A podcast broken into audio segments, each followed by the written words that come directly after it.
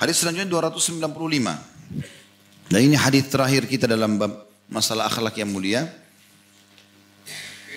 Imam Bukhari berkata rahimahullah, Ibrahim bin Al-Munzir mengabarkan kepada kami, ia berkata, Ma'an mengabarkan kepada kami dari Muawiyah, dari Abdurrahman bin Jubair, dari ayahnya, An Nawas bin Sam'an Al-Ansari radhiyallahu anhu, annahu sa'ala Rasulullah Rasulullah sallallahu alaihi wasallam 'anil birri wal ithm.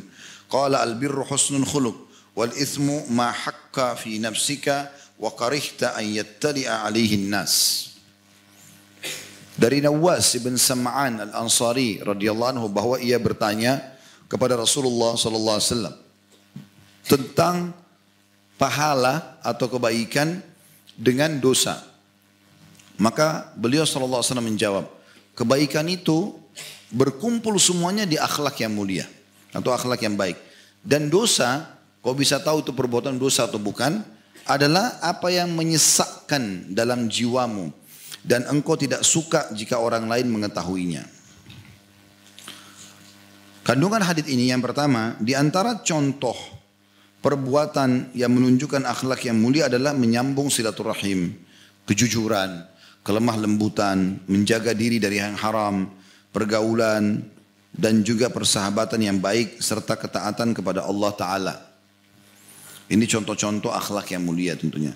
Yang kedua, akhlak yang mulia akan mewariskan ketenangan dalam hati, jiwa yang lapang, serta timbulnya rasa malu terhadap manusia atas maksiat yang dilakukannya. Dan yang terakhir yang ketiga adalah termasuk dosa jika dalam hati seseorang timbul keraguan-raguan terhadap sesuatu atau ia membayangkan bahwa hal tersebut merupakan dosa, kesalahan atau jika ia melakukannya maka ia benci jika orang lain mengetahuinya. Sebelum saya jauh menjelaskan khusus bab bakhil 139 sudah kita paparkan ya. Jadi itu dilewati nanti di pertemuan-pertemuan akan datang kita akan mulai di bab atau pasal 140. Masih ingat itu hari ya? Kita sudah sempat hubungkan itu dengan yang sebelumnya karena ini bakhil sudah kita bahas sebenarnya. Semoga Allah selamatkan kita dari sifat itu. Baik kita paparkan dan ambil hikmah-hikmah daripada hadis yang mulia ini. Potongan pertama adalah sahabat ini Nawas radhiyallahu anhu adalah orang yang sangat mulia dan dia bertanya pertanyaan yang sangat jeli. Ya Rasulullah, kesimpulan kebaikan itu ada di mana? Yang paling banyak kebaikan ada di mana? Dan dosa itu bagaimana saya memahaminya? Kalau saya perbuatan ini dosa atau tidak? Di saat belum jelas buat saya. Tentu kalau misalnya zina, riba, orang tahu itu dosa. Tapi mungkin ada beberapa hal yang saya tidak tahu kalau itu dosa. Boleh nggak sih gitu loh. Bagaimana saya memahami kalau ini perbuatan salah atau tidak? Tanpa saya mengetahui hukumnya gitu. Maka Nawas ini bertanya pertanyaan yang sangat jeli. Ini pelajaran pertama bagaimana jelinya seorang sahabat bertanya dan bolehnya seseorang bertanya ya, hal-hal ya, yang dia butuhkan. Itu ada adab-adab dalam bertanya ya. Dia bertanya ya hal-hal yang dibutuhkan dan di, yang dia, yang dia butuhkan dari sisi agamanya ya. Kalau kita bicara masalah lingkup agama, tentu dia boleh bertanya apa saja. Yang penting selam pertanyaan itu positif saja, baik, tidak ada pelanggaran agama. Dia bertanya berhubungan dengan masalah agamanya kalau dia tidak faham. Karena ini semua akan ditanya oleh Allah SWT pada hari kiamat. Kemudian dia bertanya dengan tidak sengaja untuk atau bukan sengaja untuk menguji, mengetes ya. Memang dia mau Bertanya karena kebutuhan dia. Dia tidak perlu, dia tidak tanya gitu. Kemudian juga bertanya bukan untuk menyudutkan orang yang akan ditanya. Gitu kan. Sengaja mau menjatuhkan dia. Saya mau tes dia faham gak sih? Gitu. Ini juga tidak boleh tentunya ya. Ini adab-adab dalam bertanya. Dan pertanyaan ini kalau memang kita ikhlas karenanya, memang kan maksudnya karena Allah ingin mencari pahala, maka pertanyaan itu justru menjadi ajang pahala. Misal di majelis begini ada yang bertanya, tulis kertas memang dia belum faham. Dia nanya nih, dia ikhlas karena ingin faham buat dirinya sebenarnya. Lalu orang lain dengar, orang lain pun jadi faham dan mengamalkan maka dia akan panen pahalanya. Tapi di saat memang dia ikhlas untuk itu. Pelajaran yang kedua adalah jawaban Nabi SAW. Kebaikan itu terkumpul semua di akhlak yang mulia.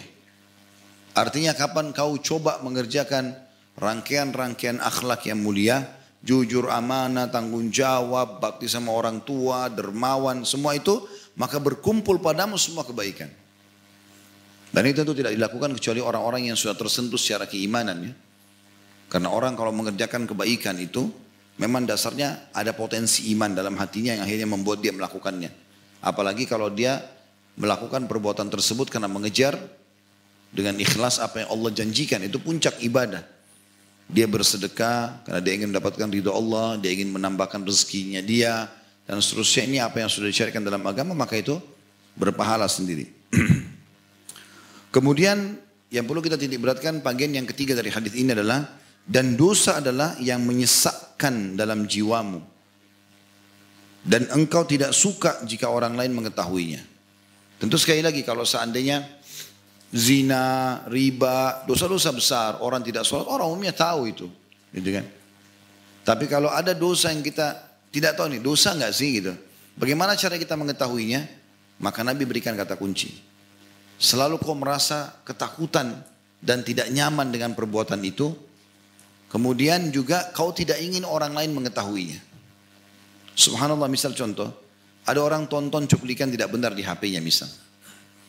Walaupun dia sendiri muncul ketakutan nggak? Ketakutan dia nggak mau takut kalau ada orang lewat langsung ditutup sama dia. Kenapa dia takut? Kalau memang itu sesuatu yang baik.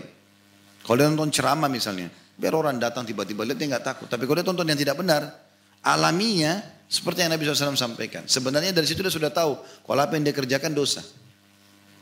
Kan gitu. Karena dia tidak ingin orang lain mengetahui apa yang dia kerjakan gitu ya. Bukan di sini kita bicara masalah rahasia dia pribadi, bukan. Tapi kalau dia sedang mau tahu yang saya kerjakan ini berdosa atau bukan. Sementara belum ada kejelasan hukum bagi dia. Maka Nabi SAW jelaskan yang menyesakkan jiwamu dan juga yang kau tidak ingin orang lain mengetahuinya. Kita bicara sedikit masalah dosa teman-teman sekalian. Dosa ini efeknya banyak sekali. Efeknya efek yang yang paling mendasar adalah hilangnya hilangnya kenikmatan ibadah itu sendiri. Efek pertama dari maksiat adalah nanti akan hilang kenikmatan ibadah itu sendiri. Misalnya kehusuan, semangat untuk mengerjakan ibadah itu akan hilang. Itu efek pertama. Jadi tadinya Bapak Ibu rutin subuh langsung sholat, sekarang malah kebablasan lewat. Yang tadinya Bapak Ibu suka sekali sedekah, tiba-tiba jadi malas melakukannya. Itu ada efek dari dosa. Makanya Abdullah bin Abba, Abdullah bin Umar berkata, radhiyallahu aku pernah melakukan dosa kecil, tapi sudah cukup Allah haramkan aku untuk sholat subuh berjamaah di masjid sebulan. Diangkat itu, efek dosa itu akan datang.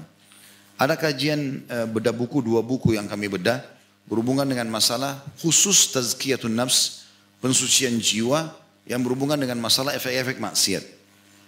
Yang satu itu hari Jumat, kebetulan besok insya Allah akan ada di Tebet. Kalau Bapak Ibu kebetulan ada dekat sana, eh, kita bedah buku dunia ada wadawa, bukunya Ibnu Qayyim rahimahullah tentang masalah bagaimana mengobati penyakit-penyakit hati. Nah itu kita jelaskan panjang lebar banyak poin beliau jelaskan. Beliau jelaskan, saya cuma memaparkan saja eh, efek-efek maksiat itu sendiri hilangnya ilmu, hilangnya keberkahan hidup, kegelisahan, rusaknya rumah tangga, oh banyak yang terjadi. Ya nakalnya anak-anak dan segala macam hal. Juga ada satu buku lagi, kalau nggak salah kemarin kita bedah itu, sebulan sekali. Judulnya Kiat-Kiat Hijrah. Nah di antara yang ditekankan oleh penulis itu adalah jadikan dosamu itu besar atau anggap dosamu besar dan tidak bolehnya seseorang itu menganggap dosanya kecil. Karena ada hadis Nabi SAW yang berbunyi, hati-hati kalian dengan dosa-dosa yang dianggap remeh. Kan cuma dosa kecil gitu kan. Karena perumpamaan itu seperti satu kaum yang turun di sebuah lembah, lalu mereka mau masak. Mereka ingin membuat makanan. Maka mereka butuh ranting-ranting yang dikumpulkan supaya bisa menjadi api gitu kan. Potongan-potongan kayu. Maka setiap anggota tadi, orang-orang itu keluar, nyebar nyari ranting-ranting. Masing-masing yang ini membawa satu ranting, ini bawa satu ranting, ini bawa dua ranting. Kecil-kecil. Tapi hanya karena disatukan menjadi sebuah alat bakar yang besar dan menjadi api yang besar. Kata Nabi SAW, begitulah perumpamaan dosa-dosa kecil. Hari ini dilakukan satu kali, besok sekali, lusa sekali, nanti lama-lama jadi besar dia. Dan akhirnya bisa membakar. Seperti itu gambarannya. Jadi kita memang dari awal harus menutup pintu-pintu itu. Maksiat itu tentu semaksimal mungkin ya. Manusia tidak bisa luput dari kesalahan. Tapi kita coba maksimal mungkin. Dan Allah berikan taufiknya. Yang penting Bapak Ibu mau dulu. lakukan, tinggalkan itu. Haram, agama haram, sudah saya nggak mau tahu. Mau orang goda enggak, saya nggak mau lakukan. Sudah ini haram, nggak boleh. Kita komitmen dengan itu. Gitu kan godaannya memang besar, tapi kita berusaha untuk meninggalkannya. Kalau kita tinggalkan itu, maka secara otomatis nanti iman kita akan naik. Nah iman kalau naiknya lebih khusyuk dalam sholat, lebih enak dan segala macam. Tidak ada efek-efeknya itu ya. Belum lagi hilangnya keberkahan hidup, ya. belum lagi kegelisahan. Jadi orang subhanallah yang mabuk-mabukan semalaman di diskotik, bangun pagi, walaupun tidurnya lama, walaupun dia semalam merasa gembira, nyanyi-nyanyi segala macam, bangun pagi sumpah, walaupun orang kafir. Yang mereka dasarnya menganggap itu halal dalam agama mereka. Gak ada orang ngindap dengan kemaksiatan lalu hidupnya tenang, besoknya gak ada. Bahkan sebaliknya kata Nabi SAW, kalau manusia tidur diikat oleh tiga ikatan oleh syaitan, kalau dia bangun, dia berzikir kepada Allah, baca zikir bangun tidur, dilepas satu ikatan. Kalau dia wudhu, terlepas ikatan kedua. Kalau dia sholat, terlepas ikatan ketiga. Dan kau akan temui orang itu paling bahagia pada hari itu. Kata kunci kebahagiaan di situ. Kita biar tidur cuma dua jam, tiga jam teman-teman. Berapa kali saya praktekin itu subhanallah. Cuma dua tiga jam tidur kadang-kadang malam. Karena adanya aktivitas yang harus saya selesaikan misalnya. Nggak bisa. Pagi habis subuh sudah harus ke masjid dan habis itu ada persiapan pengajian lagi. Tapi karena ke masjid sholat, Pulang segar subhanallah. Dibandingkan dengan orang walaupun tidur dari habis isya langsung, tapi dia kebablasan subuhnya, kemudian dia bangun, kita akan temukan hari itu ada saja masalah yang dihadapi. Gitu kan? Ada saja masalah yang dihadapi. Jadi memang tidak mungkin salah apa yang telah Allah subhanahu wa ta'ala janjikan. Allahu.